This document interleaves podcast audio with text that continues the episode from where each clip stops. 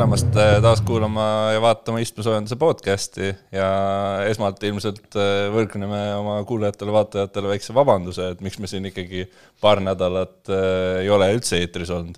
ja noh, mis siin ikka, sügisesed, sügisesed haigushood ja nüüd siin paar koroonatesti ja paar nädalat hiljem äh, oleme siin jälle laua taga ja saame... ei ole jah, paraku kellelgi siin koroonat, ärge mitte lootke, oleme tagasi, et mölised autodest kontrollimatult. ja, ja alustamegi kontrollimatult äh, pihta ja ja tegelikult äh, väga huvitava uudisega, mis äh, ilmselt pigem tehnoloogia valdkonda tegelikult läheb.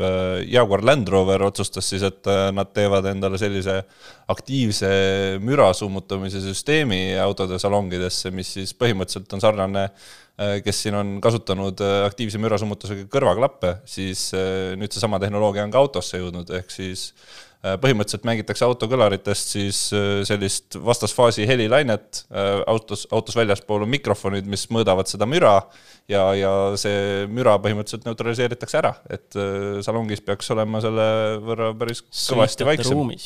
jah, sõitjate ruumis ja aga see on asi, mida tahaks ise proovida tegelikult, et kuidas see toimib, sest et mulle meenub, et ma nüüd äh, sel hetkel, kui ma seda uudist nägin, ma ei ole kindel, kas see oli mingit sorti aprillinali või päriselt ka keegi oli selle toote juba ära teinud, aga noh, teoorias see peaks töötama, et äh, mingisugune asi, mida soovitati äh, siin inimestele, kelle elukaaslased norskavad, nii et ei saa magada. et ongi mingisugune jurakas, mis pannakse nina peale ja see samamoodi mõõdab siis täpselt seda sagedust ja mängib ka täpselt seda vastusagedust või vastasfaasi mm., pidavad siis justkui norskamise ära kõrvaklappide puhul see ilusti toimib, selles mõttes ma ei näe ühtegi probleemi, miks ei peaks töötama.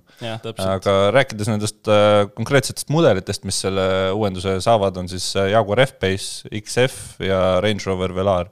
ja, ja Jaguar Land Roveri esindajad ongi öelnud, et äh, eriline fookus on just elektriautodel, kuna elektriautos on see, et mootorimüra sul ei ole ehk siis kõik see, mis sealt väljaspoolt tuleb, tuleb oluliselt valjemalt sinna sõitjate ruumi sisse siis Äh, ja, ja tegelikult äh, on neil selles vallas tehtud ka juba uuring, äh, mis väidab, et see võiks vähendada reaktsiooniaega ja neil oli isegi protsent toodud, ma peast nüüd ütlen, et see võis olla seitseteist protsenti ja äh, võiks siis äh, vähendada reaktsiooniaega ja siis äh, aidata ka keskenduda paremini nendele teedel varitsevatele ohtudele ja, ja seega muuta ka liiklusturvalisemaks tegelikult, lisaks sellele, et see on lihtsalt mugavusvarustus. jah, see on kindlasti niisugune lisa, mis võiks olla kasulik nendele inimestele, kellel on probleeme. Sellega, millest me saate viimases segmendis räägime, et mida teha siis, kui näiteks alarmsõiduk tuleb ja sa seda tähele ei pane või et see no, peaks aitama seda loodame, loodame, et see alarmsõidukite heli nagu ära ei cancel da, et mõõdab, et mingi, mingisugune müra on ja siis tõmbab selle täiesti nulli ära ka teine uudis meil täna on äh, tehnoloogia valdkonnast ja jälle heli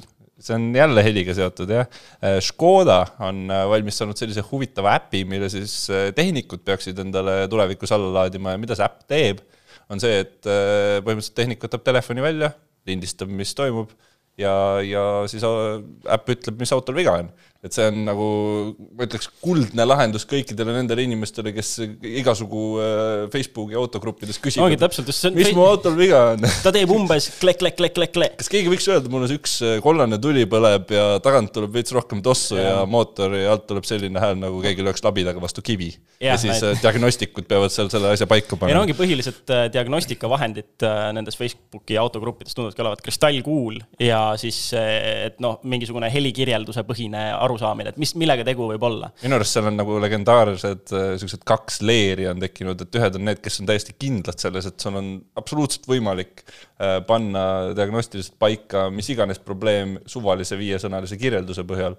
ja, ja mm. siis on teine grupp, kes igale sellele asjale oponeerib, et mine ja pane arvuti taha sellele, siis sa saad teada.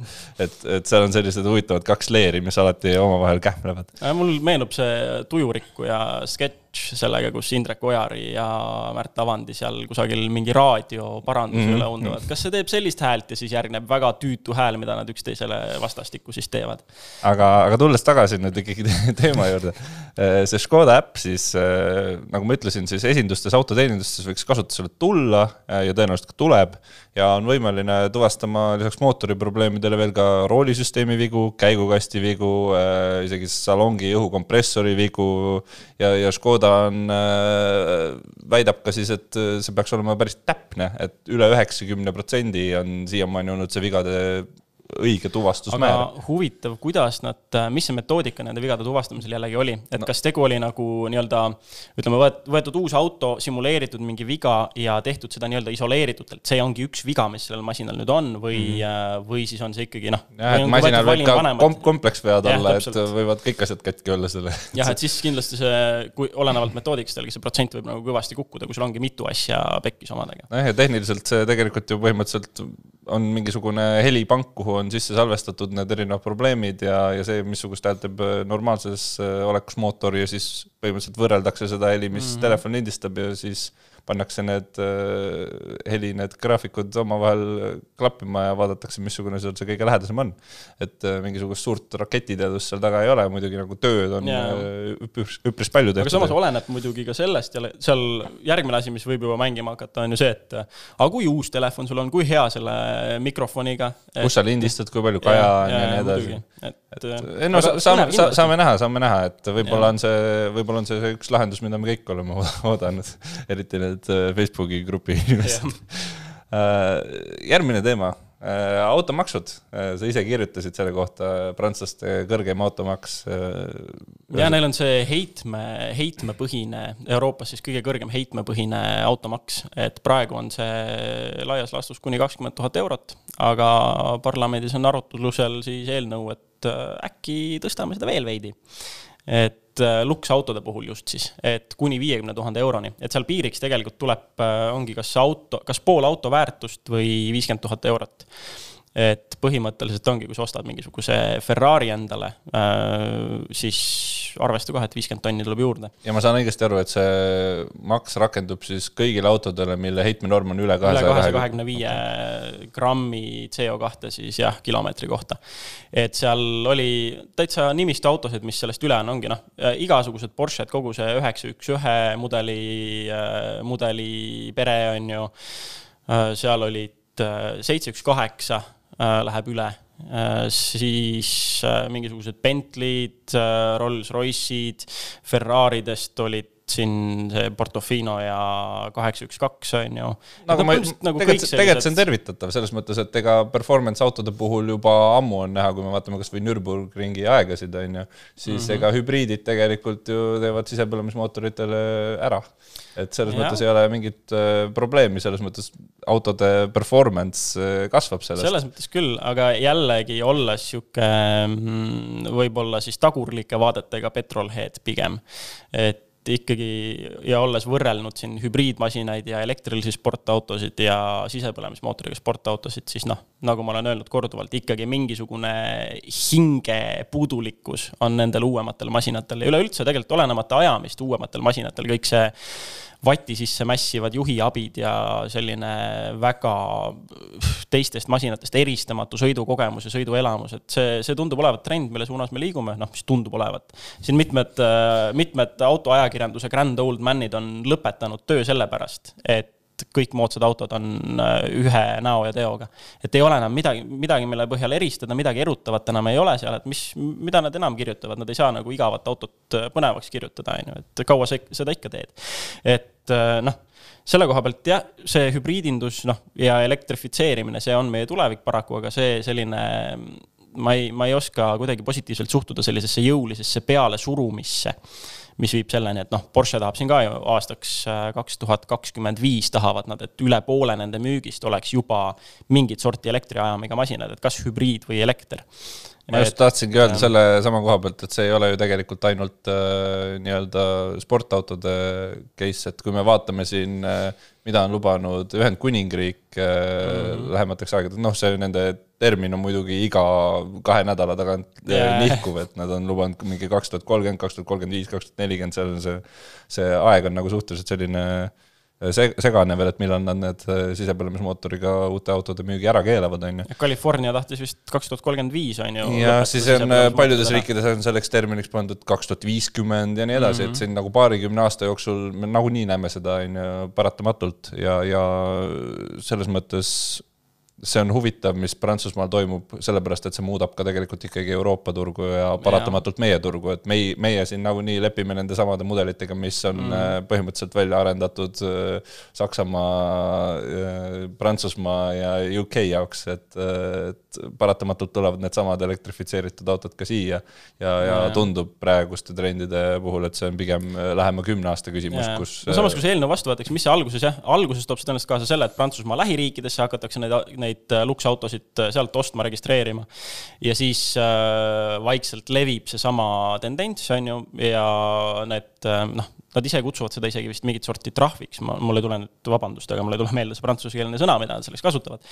aga ma arvan, et see trend seda nii-öelda kõrgemat kõrgema heitme, heitmega masinat trahvida levib tõenäoliselt ka mujale ja siis eks, eks lõppkokkuvõttes ongi tulemuseks see tõesti jah, et et paraku peame leppima sellega, et kas, kas on sisepõlemismootoriga masin väga-väga-väga kallis lõbu või, või siis seda ei saa enam üldse põhimõtteliselt. Aga kui me siin rääkisime sellistest elektrifitseeritavatest autodest, mis on äh, muutumas selliseks üheülbaliseks natukene, siis tegelikult on äh, minu arvast, arvates seda ka meie sellenädalane proovisõiduauto, äh, mis siis on Ford Kuga, on ju et äh, sellel on ka täpselt samamoodi hästi palju erinevaid ajameid, seal on äh, igasuguseid mm -hmm. mild hübriid ja, ja kõik muud särgid-värgid olemas, pistikhübriid, iselaadiv hübriid mm, -hmm. mida iganes soovid. et ainuke, mis puudu on, ongi nagu täielik elektriauto, aga, aga hübriidi vallas on nagu kõik kaetud ma ütlen kohe ära hinna, hind on siis suhteliselt kõikuv ikkagi, aga noh, see erinevad ajameid tingivadki selle, et kui sul on kakskümmend kaheksa tuhat on äh, kõige odavam ja läheb seal lõpus pistik äh, on seal kuni üle neljakümne tuhande, nelikümmend üks tuhat. et noh, seal ongi esi- ja nelikveolisi variante olemas ja, ja diisli, bensiinimootoreid, mida iganes, ühesõnaga igaüks, kes, kellel ajamiga mingisugused väga konkreetsed soovid on, välja, välja arvatud elekter, siis ja. kindlasti leiab midagi ma ütlen omalt poolt võib-olla disaini kohta ka paar sõna, siis sa saad kas nõustuda või oponeerida. Äh, minu arust äh, üks kõige nõrgem asi on see, et see näeb täpselt välja nagu kõik teised Fordid ja mina kui mitte mingisugune eriline Fordi spetsialist ja Fordi fänn Äh, mul on väga keeruline orienteeruda selles, missugune Ford on nüüd missugune Ford ja isegi, isegi kui ma olen nende kõigiga mm -hmm. sõitnud, äh, isegi kui ma olen mingil hetkel need täheldused ära teinud, et okei okay,, Puma on see, Kuga on see, äh, siis niimoodi tagantjärele, ma arvan, kui ma vaataks poole aasta pärast, üritaks meenutada, kumb neist on Puma, kumb neist on Kuga, siis see on väga-väga raske.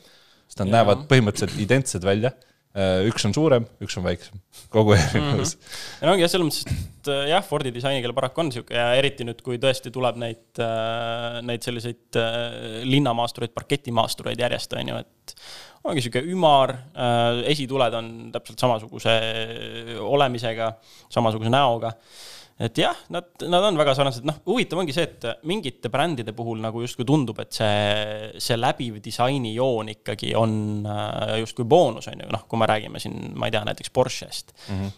et äh, noh, ka lapsena oli korra nagu keeruline küll aru saada, et noh, et mis see, mis asi see on, mis, mis mudel see nüüd on, mis generatsioon see nüüd on. aga et selle brändi puhul ei, ei näe ma seda kuidagi probleemina ja siis on Ford, kelle puhul jällegi on pigem see, et kõik üks nägu, üks tegu, on ju aga samas selle auto kohta mm, see on üks nendest masinatest, ma, kui ma nüüd õigesti mäletan, siis äh, viimane auto, mille kohta ma seda ütlesin, oli Renault Kadjar, mis on oma olemiselt ja äh, sellelt nii-öelda põhimõtetelt või siis nagu jah, olemuselt ütleme ikkagi suhteliselt sarnane asi on, et ka sihuke parketimaastur.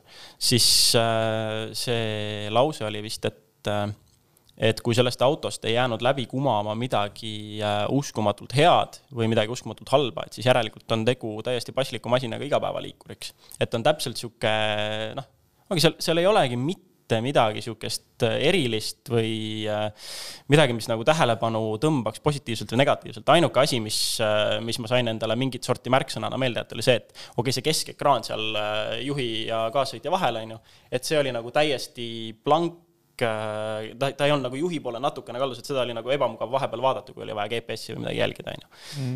et äh, see oli ainuke asi, mis ma endale mingitest negatiivsetest asjadest kõrvale, kõrva taha panin. et see ekraan võib-olla oleks võinud natukene juhi poole nurgaga olla, et muud ja muud midagi, et sõiduomadustelt kõigelt, kõige koha pealt oli seda mugavust, mida ma ootaks igapäevaautolt ta jah, noh, natuke sihukest külgkaldumist ikkagi oli, meil oli selline nädalavahetus ju, kus me, vähemasti mul, kus ma vahetasin selle auto ja Seat Leon Grand Toureri vahet.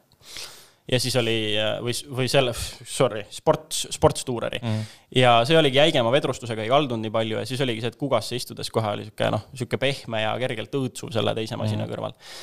aga jah, mitte midagi sellist nagu, ma ei tea, kas sulle jäi silma midagi väga positiivset või väga negatiivset? ma olen täpselt samasuguses olukorras, et äh, see on, see on selline auto, mille kohta ei ole nagu midagi väga positiivset öelda mm. -hmm. samas ei ole ka mitte midagi tegelikult ette heita.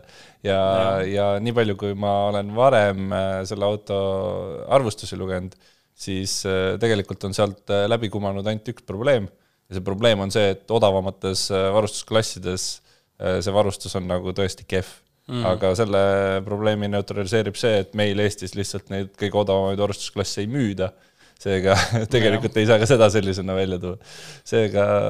jah, hinnavahe võta või jäta, kakskümmend kaheksa kuni nelikümmend üks, vali omale ajam ja midagi, mingisuguseid suuri miinuseid seal. ma nagu isiklikult võib-olla ütleks seda, et selles hinnaklassis on võimalik leida huvitavamaid autosid, on võimalik seda leida küll, paremaid autosid minu puhtalt subjektiivsel arvamusel äh, ka uuest peast.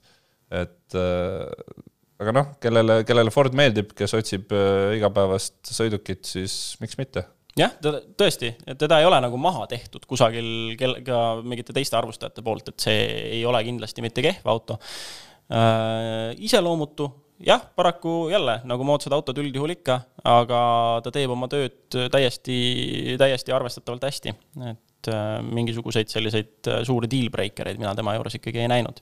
ja nagu lubatud, siis äh, meil on täna siin ka saatekülaline ja selleks saatekülaliseks on siis Põhja prefektuuri liikluspolitseinik Tarvi Kõdar, tere Tarvi! tervist! kes siis vähegi Twitteris on käinud, siis see on ilmselt ka Tarvi asju seal näinud jagatavat, et päris, päris elulised sündmused on.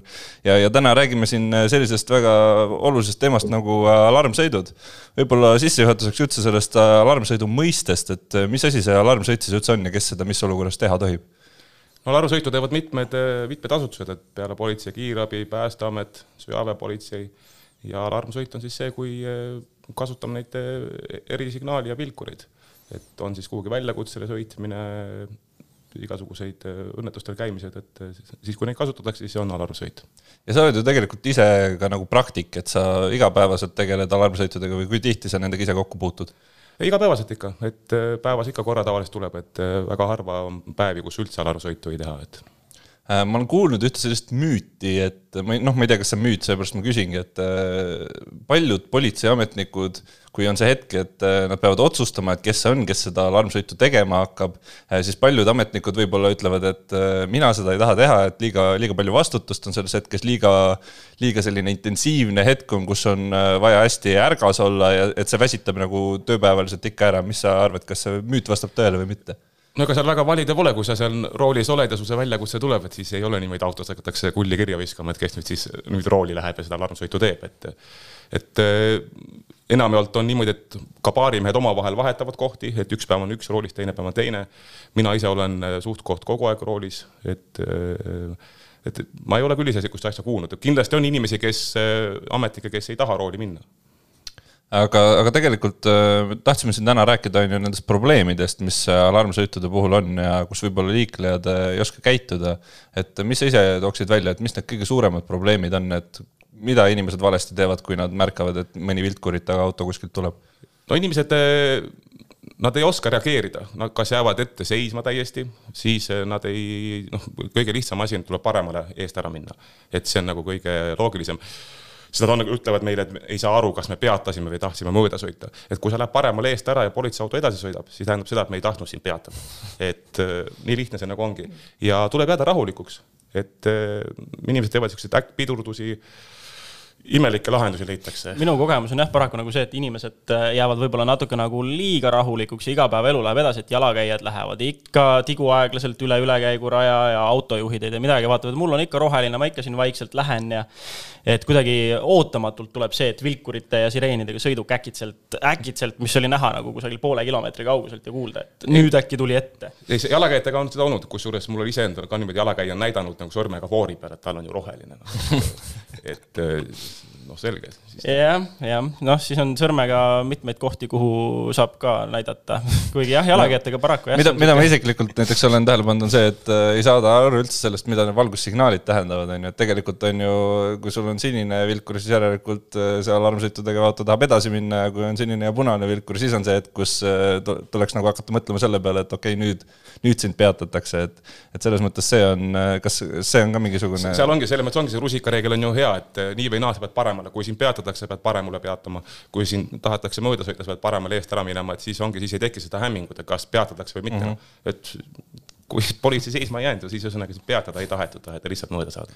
aga sa oled tegelikult oma sõitude jooksul kogunud ka päris palju videomaterjali ja, ja sa oled mõned paremad klipid siin kõrvale pannud ja äkki vaatamegi nüüd, nüüd siin ise ka jooksvalt üle ja sa võib-olla kommenteerid, et mis seal toimub niimoodi käigu pealt. teeme nii nii, see on siis Kristiine ristmikul, jah? siin on jah nüüd see jalakäija, et eh, selle asemel, et jääda siis seisma või samm tagasi astuda, tal on ikkagi vaja sealt eest nagu läbi joosta. see on üks mu isiklikke lemmikuid, ma vaatasin seda. siin on jah see, et autojuht tegelikult noh, videos saab halvemini aru, kui ma ise, ma ju ise seal rooli taga, ma näen, kuidas ta vaatab mulle otsa ja ta saab aru, et mida ma tegelikult olen tegemas. aga ikkagi siis on vaja see, võtta see hetk ja sealt läbi no pluss seal konkreetsel ristmikul on tegelikult ju väga pikalt ette näha, kui keegi sealtpoolt tuleb, selles mõttes on nagu väga huvitav. et, et siin olid siis äh, need halvad äh, näited, aga va vaata, mis meil veel seal salves on siis. nii. no siin on niisugused paremad näited juba, et juhid reageerivad, et äh, näevad kaugelt, lähevad eest ära, tsiklimeeski siin kohe paneb natukene gaasi juurde ja kiiresti eest ära, et ei pea seal hoogu nii palju maha võtma. aga kuidas on selle gaasi juurdepanemisega, et kui ma näiteks panengi korra gaasi juurde, ütleme, võib-olla lähen seal kuuekümneni, kuuekümne viieni välja ja lihtsalt selleks, et eest ära minna, kas see on karistatav või see on pigem no. soositav? Ei juhtu midagi, sest ega me ei jää nüüd seisma, et okei okay,, nüüd teeme veel trahvi ka ära ja siis lähme sõidame edasi oma väljakutsele, et et loomulikult minge eest ära, kui ei ole võimalik kuhugi vahele tõmmata, siis korraks hetkeks seda gaasi anda ja eest ära sõita ei ole mm. probleemi. kusjuures, mis ma olen märganud veel, on see, et äh, isegi kui noh äh,, veel paar aastat tagasi ma ka jälgisin, et inimesed ei os-, ei oskagi nagu reageerida, kui tuleb alarmsõiduk tagantpoolt.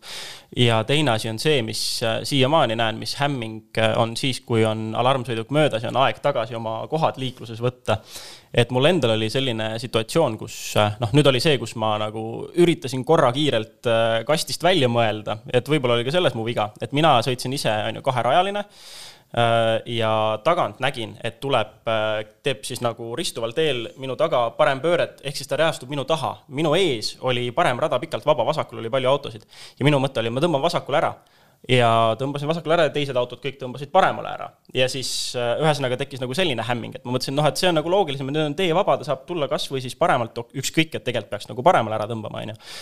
ja siis pärast seda oli veel ka see, et, äh, et äh, kui oli aeg oma kohad tagasi võtta, siis mitmed juhid lihtsalt teistest tõmbasid naglalt ette ja ei lasknud tagasi reastuda enam sellele kohale, kus keegi nagu oli, et niisugune liiklusviisakus kadus äkitselt nagu täiesti ära, et et kuidas, esiteks, kuidas nagu jah, kuidas suhtuda sellesse, kui ütleme Äh, situatsioonipõhiselt äh, keegi läheb nii-öelda valele poole tees, eest ära, et kas te pigem olete kogu aeg arvestanud, et, äh, et te ikkagi sätite ennast sinna vasakule või, või vaatate, et kui ongi parem vaba, siis lasete seda mööda hoopiski?